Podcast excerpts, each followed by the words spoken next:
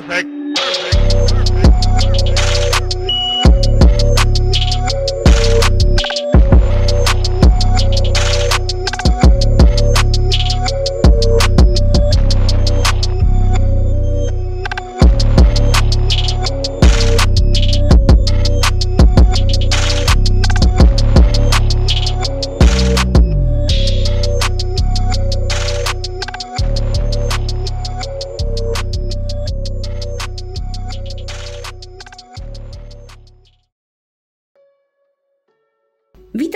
Serdecznie na moim kanale. Na początek mały spoiler. Sprawa, którą Wam przedstawię, znalazła swój finał w sądzie, winny został ukarany, ale po przestudiowaniu podstawowych informacji odniosłam wrażenie, że pomimo wyroku i zamknięcia tej sprawy jest ona niejednoznaczna. Drążyłam dalej i w ten sposób trafiłam na publikacje, które ukazują odmienne stanowisko, zatem czuję się zobowiązana do włączenia tych źródeł do omawianej historii. Zebrałam wszystkie fakty w jedną spójną, w miarę całość, choć e, oczywiście nie obejdzie się bez e, absurdów, a wszelkie niejasności, które wynikają z zestawienia sprzecznych danych, będę tłumaczyła na bieżąco w trakcie opowiadania. Zapraszam do słuchania. Lądujemy w województwie lubelskim, gdzie na skraju lasów kozłowieckich mieści się osada Bratnik, oddalona od Lublina o 25 km z Małym Haczykiem. Leży w gminie Kamionka, powiat lubartowski. W 2011 roku wieś ta liczyła nieco ponad 120 mieszkańców. Jan G. niegdyś sprawował funkcję sołtysa w tejże wsi. W 1983 roku Jan i jego żona Jadwiga zostali rodzicami Iwony. Nie znalazłam informacji na temat dzieciństwa Iwony, która jest naszą główną bohaterką historii. Jej losy poznajemy dopiero kiedy jest nastolatką u progu dorosłości. Iwona uchodziła za miłą, przyjazną, pogodną dziewczynę. Uczyła się w liceum profilowanym w trybie wieczorowym, kierunek krawiec odzieży damskiej lekkiej. Szkoła ta mieściła się w oddalonym od rodzinnej wsi o 12 km Lubartowie. Iwona cieszyła się pozytywną opinią wśród nauczycieli, była powszechnie lubiana przez innych uczniów, Mm, nie miała problemów z nauką, zdarzało jej się chodzić na wagary. Łatwo nawiązywała znajomości, prowadziła bogate życie towarzyskie, często zaliczała wypady z koleżankami do lubelskich dyskotek. Miała dobry kontakt z rodzicami i nie sprawiała im problemów wychowawczych. Iwona była zgrabną, atrakcyjną brunetką, nie narzekała na brak zainteresowania ze strony płci przeciwnej. W maju 1999 roku poznała na jednej z imprez chłopaka, z którym no, szybko zaczęła chodzić. Y, Był to jej pierwszy poważny związek. Źródła różnie podają jego imię, y, ale pozwolę sobie na potrzeby podcastu używać imienia Kamil. Mm, Był on mieszkańcem Lublina, uczęszczał do technikum samochodowego. Jego zachowanie można by określić mianem bad boya. Zadawał się z szemranym towarzystwem, był narwany. Po alkoholu, którego sobie nie żałował, stawał się wręcz czasami nieobliczalny. Był też zafascynowany Iwoną, szalał na jej punkcie i być może ich związek miałby szansę na rozwój, gdyby nie jego porywczość, to znaczy Kamila, i akty agresji, y, których Iwona nie była w stanie zaakceptować na dłuższą metę. Po sześciu miesiącach znajomości w październiku Iwona zerwała z Kamilem. Chłopak oczywiście nie mógł pogodzić się z jej decyzją. Długo nie dawał za wygraną. Y, Błagał Iwonę o powrót, prosił, groził, nachodził ją w domu. Często przebywał w okolicy jej szkoły, rodzinnej wsi. W lutym 2000 roku Iwona związała się z kolegą ze szkoły, który na potrzeby podcastu po prostu będzie bezimienny, ponieważ w jednym źródle jest właśnie bezimienny, a w drugim źródle jest albo Robertem, albo Kamilem, więc nie będę mieszać i po prostu imienia mieć nie będzie. Chłopak uczył się na cukiernika, był przystojnym brunetem i w przeciwieństwie do Kamila nie miał nałogów i z natury był łagodnym, spokojnym chłopakiem. Nowa relacja Iwony oczywiście nie ucieszyła Kamila, który groził, że pobije jej chłopaka, jeżeli on z nią nie zerwie, ale na groźbach się ostatecznie zakończyło. Kamil w końcu odpuścił, a Iwona mogła nareszcie w spokoju cieszyć się swoją nową miłością. Pasowali do siebie, tworzyli zgrany duet. Jednym z najbliższych sąsiadów Iwony był o rok młodszy od niej Michał W. Znali się od urodzenia, utrzymywali kontakty na stopie koleżeńskiej, lubili się. Michał wraz z rodziną zajmował mały parterowy domek bez wygód, czyli standardowo obok mieli wychodek i studnie. Jego mama pracowała w domu opieki, ojciec natomiast był na rencie i czasem dorabiał podczas pracy w lesie, jeżeli takie były. Najmniejszy pokój tuż przy sieni zajmowała babcia. Michał po wyprowadzce starszego brata zajął jego pokój, ale długo nie nacieszył się tym luksusem, ponieważ w 2000 roku Krzysztof wrócił do domu po rozwodzie, kiedy nie miał się gdzie podziać.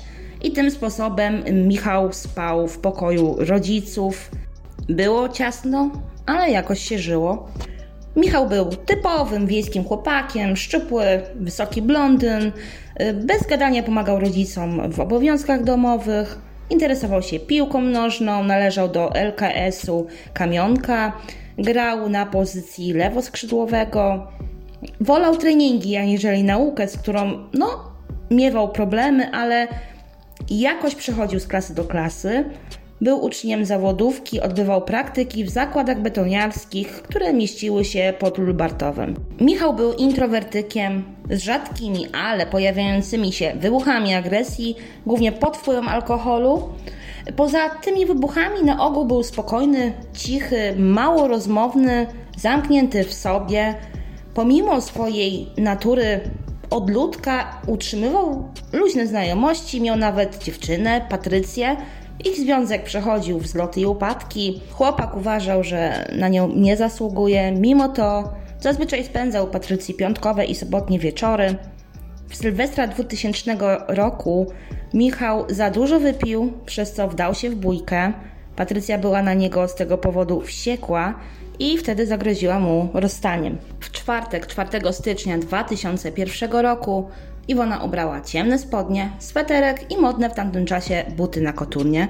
Na koniec włożyła czarną, błyszczącą kurtkę i wybrała się na przystanek autobusowy w Kozłówce Dębowcu.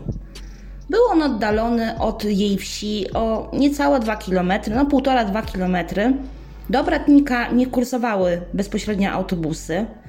Pojechała do Lubartowa, co prawda zajęcia w szkole tego dnia zaczynała o 15, ale wraz ze swoją przyjaciółką Jolą postanowiły urwać się z lekcji tego dnia. W czasie, kiedy wagarowały, odwiedziły chłopaka Iwony w miejscu, gdzie odbywał praktyki, trochę pochodziły bez celu po ulicach miasta, a wróciły do szkoły na ostatnią lekcję, jaką była chemia. Musiały zaliczyć sprawdzian. O 17.45 lekcja dobiegła końca i dziewczyny były wolne.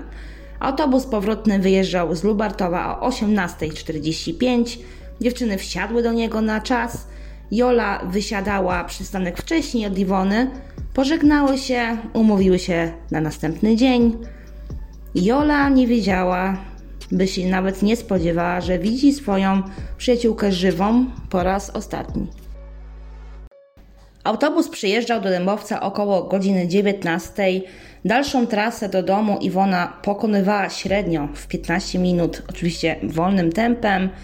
Zawsze udawało jej się zjawić w domu, oczywiście w te dni, kiedy tak późno kończyła. No, zjawiała się w domu przed rozpoczęciem emisji jej ulubionego serialu, a bardziej telenoweli Zbuntowany Anioł, który zaczynał się o 19.15. Tego dnia Iwona nie pojawiła się o czasie, ale początkowo Jan i Jadwiga nie byli tym faktem zaniepokojeni. Myśleli, że może spóźniła się na autobus, a w takim przypadku Iwona musiałaby wracać autobusem, który zatrzymywał się w oddalonej o 5, prawie 6 km kozłówce, co wiązało się z dłuższym powrotem do domu z buta, pamiętajmy. Ewentualnie po drodze może wstąpiła do koleżanki we wsi, oczywiście to były ich domysły. Kiedy dziewczyna nadal nie pojawiła się w domu, choć mijała 22, był już wieczór, nie zapowiadała, że spędzi noc gdziekolwiek indziej niż w domu. Nic dziwnego, że rodzice zaczęli się niepokoić. Jadwiga zadzwoniła do Joli. Dziewczyna potwierdziła, że wraz z Iwoną wsiadł do autobusu o 18.45. Rodzice zastanawiali się, co się stało z ich córką po wyjściu z autobusu. Mógł ją potrącić samochód, mogła być ranna. Jan przeszedł trasę z Bratnika na przystanek i z powrotem, no ale nigdzie nie zobaczył córki, nie widział jej. Małżeństwo postanowiło zgłosić sprawę na policji, a tak wyszło, że funkcjonariusz z komisariatu w Miechowie, który przyjmował zgłoszenie, okazał się jednym z mieszkańców Bratnika i ich dobrym znajomym. Zdobył on numer telefonu do kierowcy autobusu i spytał, czy Iwona jechała ostatnim kursem, co kierowca potwierdził. Jan i Jadwiga skrzyknęli sąsiadów. Y, Niemal każdy dorosły mieszkaniec Bratnika brał udział w poszukiwaniu dziewczyny, ale tylko jedna rodzina nie otworzyła drzwi. Kiedy Jadwiga zastukała do okna w kuchni, było u nich ciemno. No i do rana byli nieświadomi tego, co się właśnie wydarzyło. Tą rodziną była rodzina Michała.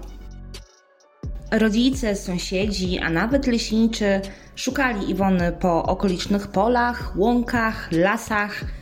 Według źródeł około drugiej w nocy jedna z kobiet niemal upadła, potykając się o ciało dziewczyny, lub o godzinie 2.45 na ciało trafił leśniczy 5 metrów za pierwszymi drzewami, 30 metrów od drogi prowadzącej do wsi. Iwona leżała na brzuchu, spodnie miała ściągnięte do kolan, kurtkę, sweterek i stanik miała podniesione do góry. Jej głowa była usiana ranami, włosy były sklejone od zasychającej krwi, której było pełno wokół zwłok. Obok leżały jej szalik i rękawiczki, a dwa metry dalej odnaleziono jej plecak. Sprawą zajęli się śledczy z Komendy Powiatowej Policji w Lubartowie. Po zabezpieczeniu śladów skorzystali z pomocy psów tropiących, które albo zatrzymywały się tuż przy szosie, albo gubiły trop nieco dalej na drodze w stronę wsi. Śledczy odnaleźli na szosie powybijane zęby Iwony. Stwierdzono, że była ona przeniesiona z tego miejsca do lasu. Zaczęto przesłuchania a na celowniku byli wszyscy młodzi mężczyźni ze wsi i okolic. Oczywiście podejrzewano, że padła ofiarą gwałtu. Jedną z pierwszych przesłuchiwanych osób jeszcze nad ranem był Piotr G., który mieszkał obok przystanku. Zeznał, że po godzinie 18 pojechał na rowerze do sklepu, który tak już na marginesie yy, sprawował funkcję centrum życia towarzyskiego wsi. W sklepie tym spotkał Michała i jego kuzyna Grzegorza. Wspólnie wypili po piwie. Później Piotr y, G. dokupił im jeszcze dwie kolejki. Zostali do zamknięcia sklepu. On wyszedł jako pierwszy, a Michał i Grzegorz jeszcze zostali. Miała to być godzina 19.30. Wracając do domu, nie słyszał nic podejrzanego ani też nikogo nie widział. W kolejnych zeznaniach stwierdził, że Michał miał opuścić sklep około 20 minut przed nim i że nie pamięta momentu, w którym Michał faktycznie wyszedł ze sklepu. Kolejną osobą przesłuchiwaną przez śledczych był Piotr B. Niedawno wyszedł y, na przepustkę z wojska. Był widziany, jak jechał o 18 w stronę przystanku swoim maluchem. Zeznał, że jechał do swojej dziewczyny i nie było go tego wieczoru we wsi. Grzegorz, kuzyn Michała, początkowo twierdził, że wyszedł ze sklepu z Michałem i Jackiem, swoim bratem, około godziny 19.15, 19.20. Grzegorz z Jackiem mieli udać się do siebie, a Michał do siebie, ale w kolejnych zeznaniach twierdził, że został przed sklepem z Michałem i miał on, to znaczy Michał, poprosić go o to, by na niego poczekał, bo chciał na chwilę wyskoczyć do domu. Jacek, brat Grzegorza, uważał, że Michał kupił wino w sklepie i wyszedł, mówiąc, że zaraz wraca, ale Jacek i jego brat nie czekali na niego i po prostu poszli do domu. Natomiast w następnych wyjaśnieniach nie mógł sobie przypomnieć, czy w momencie, kiedy kończył pić piwo i szykował się do wyjścia, no czy był przy tym obecny Michał. Przesłuchano również właściciela sklepu, który swoją drogą dzierżawił teren w zależności od źródeł od rodziny Michała, tudzież od rodziny Iwony. Zeznał on, że Piotr G., Grzegorz i Jacek przebywali w sklepie do jego zamknięcia. Jednocześnie uważał, że w momencie samego zamykania sklepu był przy tym obecny jedynie Grzegorz, który prosił go, by poczekał z zamknięciem do powrotu Michała, który miał iść na chwilę do domu. Mężczyzna nie potrafił sprecyzować, kiedy Michał opuścił sklep. Zamknął interes o godzinie 19.20. W następnych wyjaśnieniach wróciła mu pamięć i właściciel sklepu był przekonany, że Michał był w sklepie obecny o godzinie 19.08. Od każdego młodego człowieka, który był typowany na sprawcę zabójstwa Iwony, zabierano ubrania z dnia zbrodni, pobierano również próbki do badań DNA i sprawdzano ich ciała na obecność śladów walki i tym podobne. Rodzina Michała nad ranem dowiedziała się o tym, co się wydarzyło. Sam Michał sprawiał wrażenie poruszonego śmiercią Iwony. Mimo to przygotował się do pracy i pojechał z kolegą, który zabierał go ze sobą autem do miejsca ich praktyk. Długo nie popracował, ponieważ policjanci zabrali go na przesłuchanie w sprawie Iwony. W tym samym czasie druga ekipa dochodzeniowa e, dokonała rewizji w domu rodziny W. Znaleziono między innymi zakrwawioną koszulkę, bluzę oraz jeden z policjantów odkrył w szufladzie w pokoju niegdyś Michała, a obecnie Krzysztofa, kastet własnej roboty. No i zapytał matkę Michała o ten przedmiot. Mama powiedziała, że po prostu tym się kiedyś dzieci bawiły. Pooglądał z jednej, z drugiej strony wraz z drugim y, policjantem kastet i odłożył go z powrotem do szuflady. Na posterunku Michał zeznał, co łączyło go z Iwoną i zrelacjonował swój cały poprzedni dzień. Do domu wrócił z praktyk o godzinie 15.30. Ojciec poprosił go o porąbanie drewna, wykonał polecenie, a następnie około godziny 17 pojechał na rowerze do ciotki, która również mieszkała w Bratniku. Ta ciotka była matką Grzegorza i Jacka, o których mówiłam wcześniej. Kiedy w domu zjawił się Grzegorz, właśnie w domu ciotki, udali się razem do sklepu. Michał prowadził rower. Później jego zeznania utożsamiają się z zeznaniami Piotra G. Mówi o tym piwie, mm, między innymi. Potem Michał został z Grzegorzem i Jackiem, dopalili papierosa. Właściciel sklepu właśnie zamykał sklep. Później Michał poszedł do domu, a kuzyni zostali.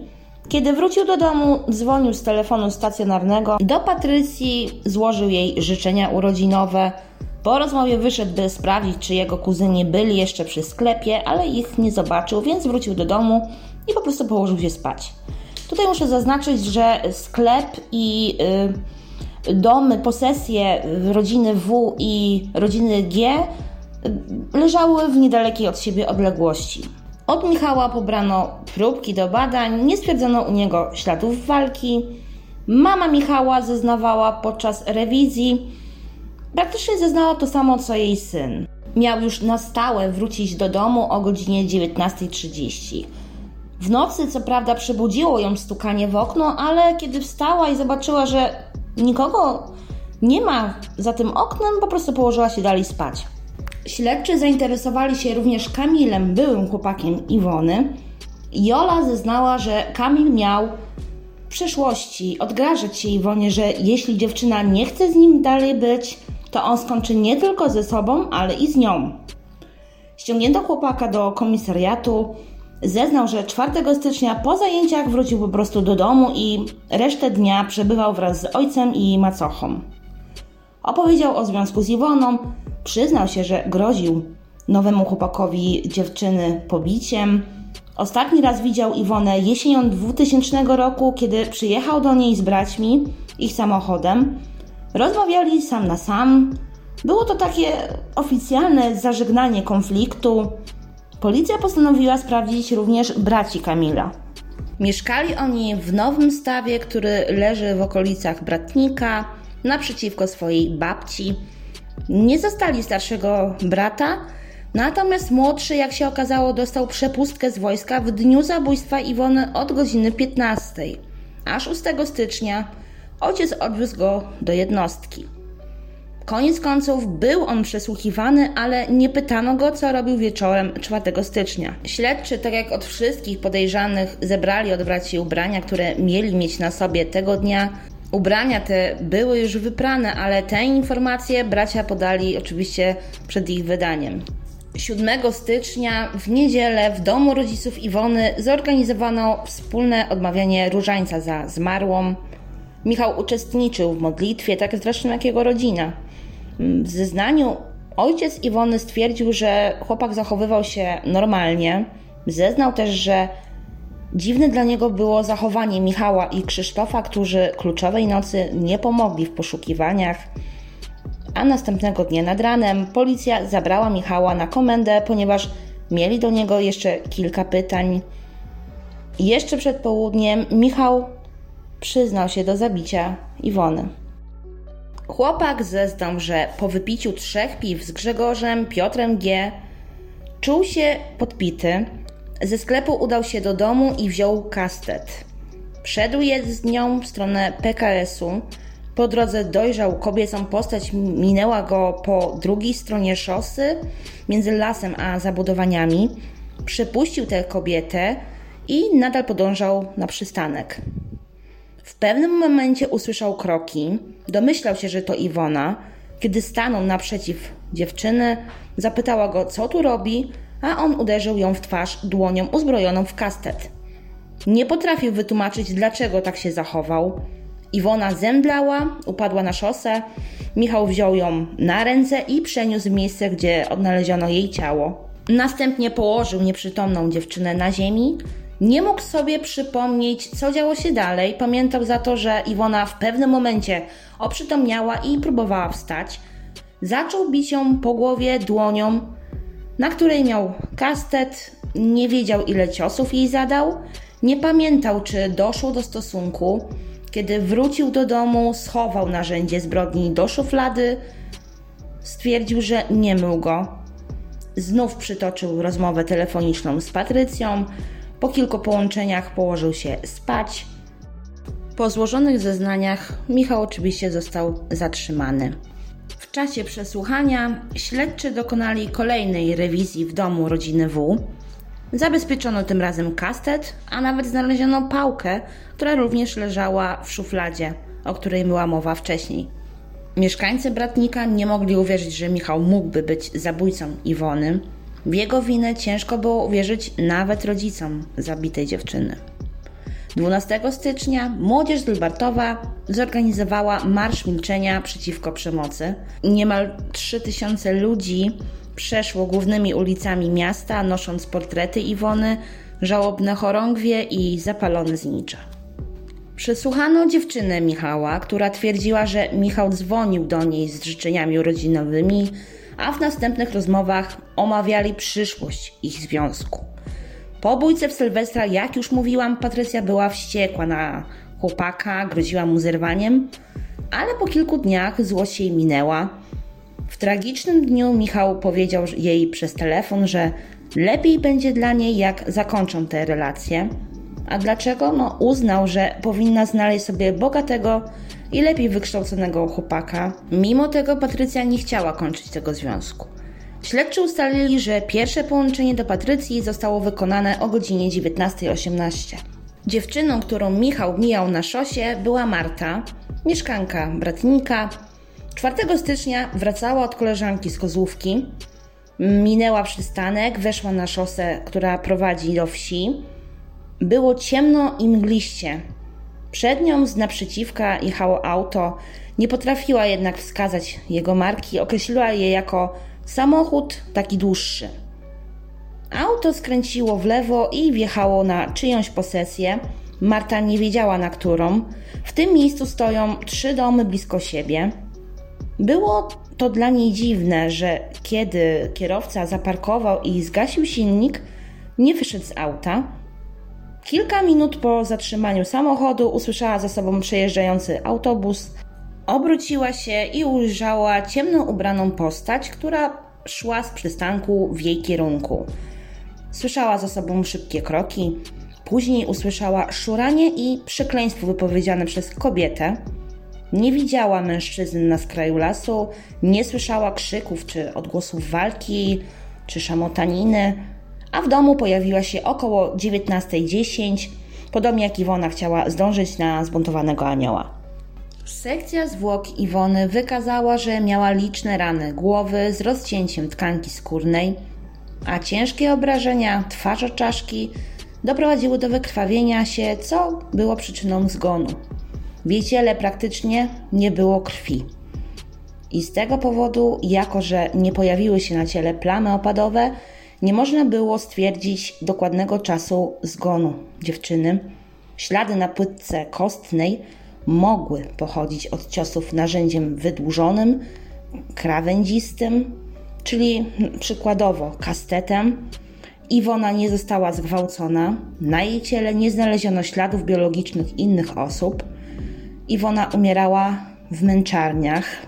Stwierdzono, że w trakcie agonii nie straciła do końca przytomności, miała odruch połykania. Sprawca miał motyw seksualny, chciał zaspokoić swój popęd. Michał został poddany obserwacji psychiatrycznej, trwała ona 4 miesiące. Początkowo lekarze podejrzewali, że no, u chłopaka w trakcie zabójstwa rozpoczęła się psychoza, ale ostatecznie jej nie wykryto, a wręcz stwierdzono, że Michał ma profil niepsychotyczny. Cechowało go zmienność nastrojów, słaba inicjacja kontaktów z innymi ludźmi, miał też tendencję do obwiniania się, obniżania nastroju, do izolacji. Wykryto u niego zaburzenia lękowe, w szpitalu miał myśli samobójcze, w swoim zachowaniu nie ujawniał cech dominacji. Ustalono, że ma przeciętną inteligencję, nie ma uszkodzeń mózgu. Według seksuologów jego rozwój psychoseksualny jest przeciętny, nie stwierdzono u niego zaburzeń seksualnych ani żadnych dewiacji. Nie miał też cech typowego gwałciciela. Akt oskarżenia wpłynął do sądu 24 września 2001 roku. Prokuratura żądała 25 lat pozbawienia wolności dla Michała za zabójstwo na tle seksualnym ze szczególnym okrucieństwem. Wyrok w tej sprawie zapadł dopiero 21 lutego 2003 roku. W trakcie procesu Michał odwołał swoje zeznania. Uważał, że jego przyznanie się do winy było wymuszone przez śledczych, a sąd po przesłuchaniu policjantów, którzy przyznali, że zastosowali wobec niego metody perswazji, mm, uznał, że chłopak przyznał się pod presją psychiczną nie miał motywu do popełnienia tej zbrodni. Sąd wziął również pod uwagę alibi Michała, które potwierdzały zeznania świadków przybywających w sklepie. Nie znaleziono dowodów na jego winę, ani śladów DNA, ani innych. Na ubraniach, które zabezpieczono podczas rewizji, ślady krwi należały do samego Michała oraz do świń. Jedna koszulka pochodziła z czasu sylwestrowej bójki, a bluzę miał na sobie podczas świniobicia. Co prawda w trakcie procesu mama Iwony twierdziła, że Michał był ubrany w czarny golf w dniu śmierci jej córki, ale policja nie odnalazła go w domu rodziny W. Na kastecie nie odnaleziono żadnych śladów świadczących o tym, że chociażby była na nim krew Iwony. Taki obrót spraw był dla rodziny Iwony nie do zaakceptowania, no bo skoro wcześniej Michał przyznał się do winy, to jest winny, no bo nie kto miał dopuścić się zabójstwa Iwony. Michał po wyjściu z więzienia wrócił do rodzinnego domu. Pomiędzy sąsiadami wyrósł mur niedomówień, złości, gniewu. Bratnik został podzielony na obóz obrońców chłopaka, jak i tych, którzy nie wątpili w jego winę. Michał jakiś czas później Poznał dziewczynę, z którą zamieszkał z dala od domu. Został przedstawicielem handlowym i wbrew pozorom układał sobie życie. Rodzice Iwony domagali się apelacji, chcieli, aby proces został przeprowadzony na nowo, a sąd przychylił się do tej prośby.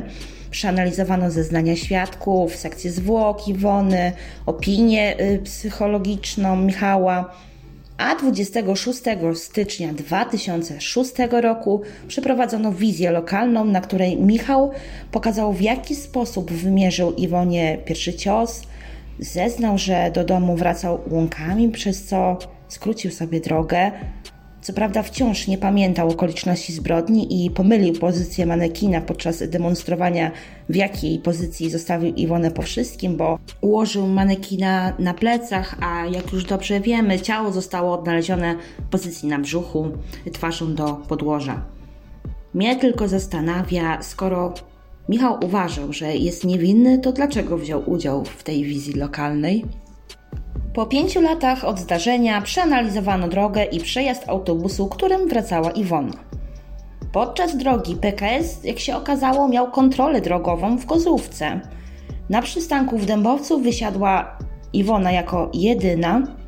Świadkowie niewiele pamiętali szczegółów z tamtych wydarzeń, no w końcu minęło 5 lat. Nie wskazano dokładnie o której godzinie, co do minuty, autobus przyjechał na przystanek. Sąd zwrócił uwagę na zeznania świadków ze sklepu. Chodzi o wyjaśnienia właściciela sklepu Grzegorza, kuzyna Michała oraz Piotra G. Sąd uznał, że zeznania te były niespójne, sprzeczne i nielogiczne. A przypomnę tylko, że właściciel sklepu najpierw nie wiedział, o której godzinie Michał wyszedł. Y, Następnie podał y, dokładną godzinę, to jest 19.08, że chłopak jeszcze przebywał wtedy w sklepie. Z kolei Grzegorz wstępnie twierdził, że wyszedł z Michałem i swoim bratem Jackiem no około godziny 19.15, 19.20 i wszyscy udali się do swoich domów, a potem zeznał, że czekał pod sklepem na Michała, który miał na chwilę podskoczyć do siebie. Zeznań Grzegorza nikt nie potwierdzał. Piotr G. uznał, że wszyscy wyszli ze sklepu o 19.30, kiedy właściciel chciał zamknąć interes, a to nie zgadza się z zeznaniami właściciela, który twierdził, że sklep zamknął o 19.20. W opinii sądu zeznania tych świadków były niewiarygodne, a jedyne, co można by z nich stwierdzić, to fakt, że Michał wyszedł ze sklepu przed wszystkimi. Sąd ustalił przebieg wydarzeń następująco. Michał wyszedł ze sklepu nie później niż o godzinie 19. Zaszedł do domu, zabrał ze sobą kastet i ruszył w stronę przystanku. Miał znać rozkład dnia Iwony i wiedzieć, że tego dnia wraca do domu ostatnim autobusem. Kiedy Marta usłyszała krótką rozmowę i przekleństwo wypowiedziane prawdopodobnie przez Iwonę, Michał poczekał, aż dziewczyna oddali się i zaatakował Iwonę ciosem w twarz, dłonią uzbrojoną w kastet. I uwaga, sąd stwierdził, że Michał na tę rękę, na który, w której miał kastet, włożył rękawice, przez co na narzędziu zbrodni nie było śladów chociażby krwi. Po tym, jak przeniósł nieprzytomną Iwonę do lasu, miał podsunąć do góry jej kurtkę, sweter i biustonosz oraz zdjąć jej do kolan spodnie i majtki. Co do tego, wyniki badań osmologicznych były trzykrotnie sprawdzane mm, i w dwóch opiniach nie wykryto śladów zapachowych Michała, natomiast w trzecim badaniu w innym laboratorium wynikało, że na biustonoszu Iwony były ślady zapachowe Michała.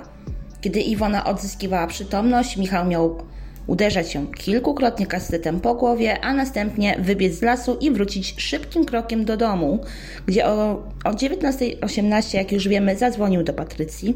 Sąd uznał, że miał wystarczająco dużo czasu na dokonanie zbrodni. Z miejsca, gdzie odnaleziono Iwonę do jego domu, trasa wynosi 938 metrów. Biegli ustalili, że potrzeba do szybkiego przejścia tej trasy około 7 minut. Za moment napaści na dziewczynę uznano godzinę 19.06. Wtedy to Marta miała usłyszeć przekleństwo z ust Iwony, zatem cała akcja miała zmieścić się w 12 minutach. Tym razem sąd wymierzył Michałowi karę 25 lat pozbawienia wolności. 27 czerwca 2006 roku sąd apelacyjny utrzymał wyrok w mocy, ale usunął wzmiankę o szczególnym okrucieństwie, ponieważ uznano, że Michał nie dręczył ofiary, nie chciał wydłużać jej agonii, a swój cel chciał osiągnąć w najszybszy i najprostszy sposób. Abstrahując od wysokości wyroku, tudzież innych okoliczności, no nie wiem, czy y, Iwona nie miała wydłużonej agonii, y, czy nie była dręczona, ponieważ przypominam, że według biegłych, którzy przeprowadzali sekcję zwłok, dziewczyna umierała w męczarniach. Uznano również, że Michał nie zeznawał pod presją psychiczną, kiedy przyznał się do winy. Jego błędy podczas wizji lokalnej miały wynikać z tego, że skoro był podpity w trakcie zabójstwa, to mógł nie pamiętać okoliczności zbrodni. Sąd stwierdził, że plan wydarzeń przedstawiony przez sąd pierwszej instancji jest prawidłowy. Powrót do domu Michał skrócił sobie drogą przez łąki, co ustalono podczas wizji lokalnej. Fakt, że Michał wedle Patrycji wydawał się spokojny podczas rozmowy o 19.18, tłumaczono tym, że w drodze do domu chłopak miał czas na ochłonięcie. Ustalono, że związek Michała w tamtym okresie chylił się już ku końcowi i mógł on czuć złość i chęć zemsty, które wyładował na Iwonie, do której miał coś czuć. Jego działania podsumowano następująco. Wypity alkohol w połączeniu z jego aktami agresji, które miewał po jego spożyciu oraz wiedza o rozkładzie dnia sąsiadki i problemy w związku doprowadziły do tego, że Michał zamierzał zaspokoić swój popęd płciowy. Zabójstwo Iwony było konieczne, ponieważ gdyby dziewczyna przeżyła atak, mogłaby rozpoznać Michała i go wydać. Udowodniono, że Michał miał na sobie inne ubrania w dniu zabójstwa. Potwierdzało to zeznania nie tylko mamy Iwony, ale również Piotra G. Natomiast zeznania trzech świadków, o których mówiłam wcześniej, według sądu apelacyjnego również były niewiarygodne. Co do rękawicy, jaką miał nałożyć Michał przed atakiem Iwony, sąd uznał, że jest to mało prawdopodobne, ale Michał nie musiał mówić prawdy o tym, że nie mył kastetu po dokonaniu zbrodni. Obrońca Michała walczył dalej, ale Sąd Najwyższy nie uwzględnił kasacji wyroku. Jedno ze źródeł przytacza podejrzenia o dokonanie zabójstwa Iwony przez niejakiego Lubomira L. z Lubartowa. Kim był Lubomir? Ano, był znajomym Kamila, byłego chłopaka Iwony. Znał oczywiście Iwonę. Wspólnie całą paczką spędzali wolny czas. Lubomir w 2001 roku miał 21 lat, a za sobą bogatą kryminalną przeszłość, pomimo młodego wieku. 2 stycznia zniknął bez słowa z miasta, a dwa dni później zabito Iwonę. Przez kolejne lata losy Lubomira nie są znane, a wzmianki o jego przestępczej działalności zaczynają się dopiero w roku 2012. W tymże roku ukrywał się przed policją w domu swojej ciotecznej babki, 88-letniej Czesławy D. w Szlacheckim. Był poszukiwany listem gończym za pobicie i rozbój. 5 stycznia do domu sąsiadów, którzy pomagali Czesławie w codziennych sprawunkach, przyszła ich podopieczna z raną na szyi. Przed zawiezieniem jej do szpitala przez wezwaną karetkę zdążyła powiedzieć, że została napadnięta od tyłu, kiedy wchodziła do obory w celu wydojenia swojej jedynej krowy. Kobieta zmarła w szpitalu z powodu wykrwawienia. Śledczy w oborze znaleźli zdechłą krowę, której zadano dwie rany kłute w żuchwę. Zabezpieczono ubrania kobiety, na których była krew, i policja liczyła na to, że na tych ubraniach znajdą jakikolwiek ślad biologiczny pochodzący od sprawcy. Niestety, badania genetyczne nie pozwoliły na wyodrębnienie kodu DNA i 27 marca sprawę umorzono z powodu niewykrycia sprawcy. W tym czasie Lubomir ukrywał się nadal przed organami ścigania, ale nie na długo, ponieważ został przyłapany na jednej z okolicznych wsi na tym, że gonił psa i mówił przy tym, że chce go zjeść, bo jest głodny.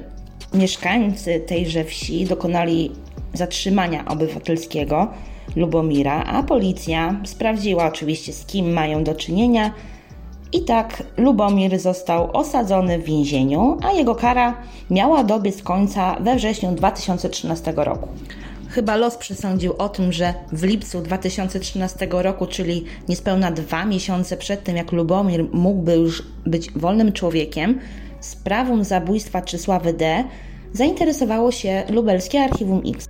przeprowadzono ponowne badania DNA, które tym razem ujawniły, że na ubraniach kobiety była krew należąca do sprawcy.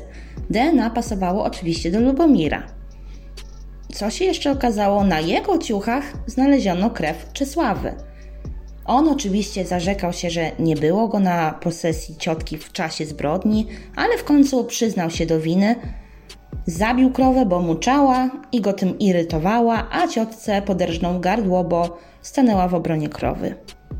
Lubomir za zabójstwo Czesławy i znęcanie się nad zwierzęciem otrzymał karę 10 lat pozbawienia wolności. Co do archiwum X, to chciało się ono zająć sprawą Michała, ale kiedy śledczy chcieli sprawdzić dowody w tej sprawie, okazało się, że po sprzątaniu w magazynie zostały one częściowo zlikwidowane. Z tego też powodu archiwum X nie miało cze- czego się złapać i na tym próba dojścia do prawdy się skończyła, zanim w ogóle się zaczęła. I to wszystko, co dzisiaj dla Was przygotowałam. Jestem ciekawa Waszych opinii na temat winy, tudzież braku winy Michała. Co myślicie o sprawie Lubomira? Czy był uwikłany w zabójstwo Iwony?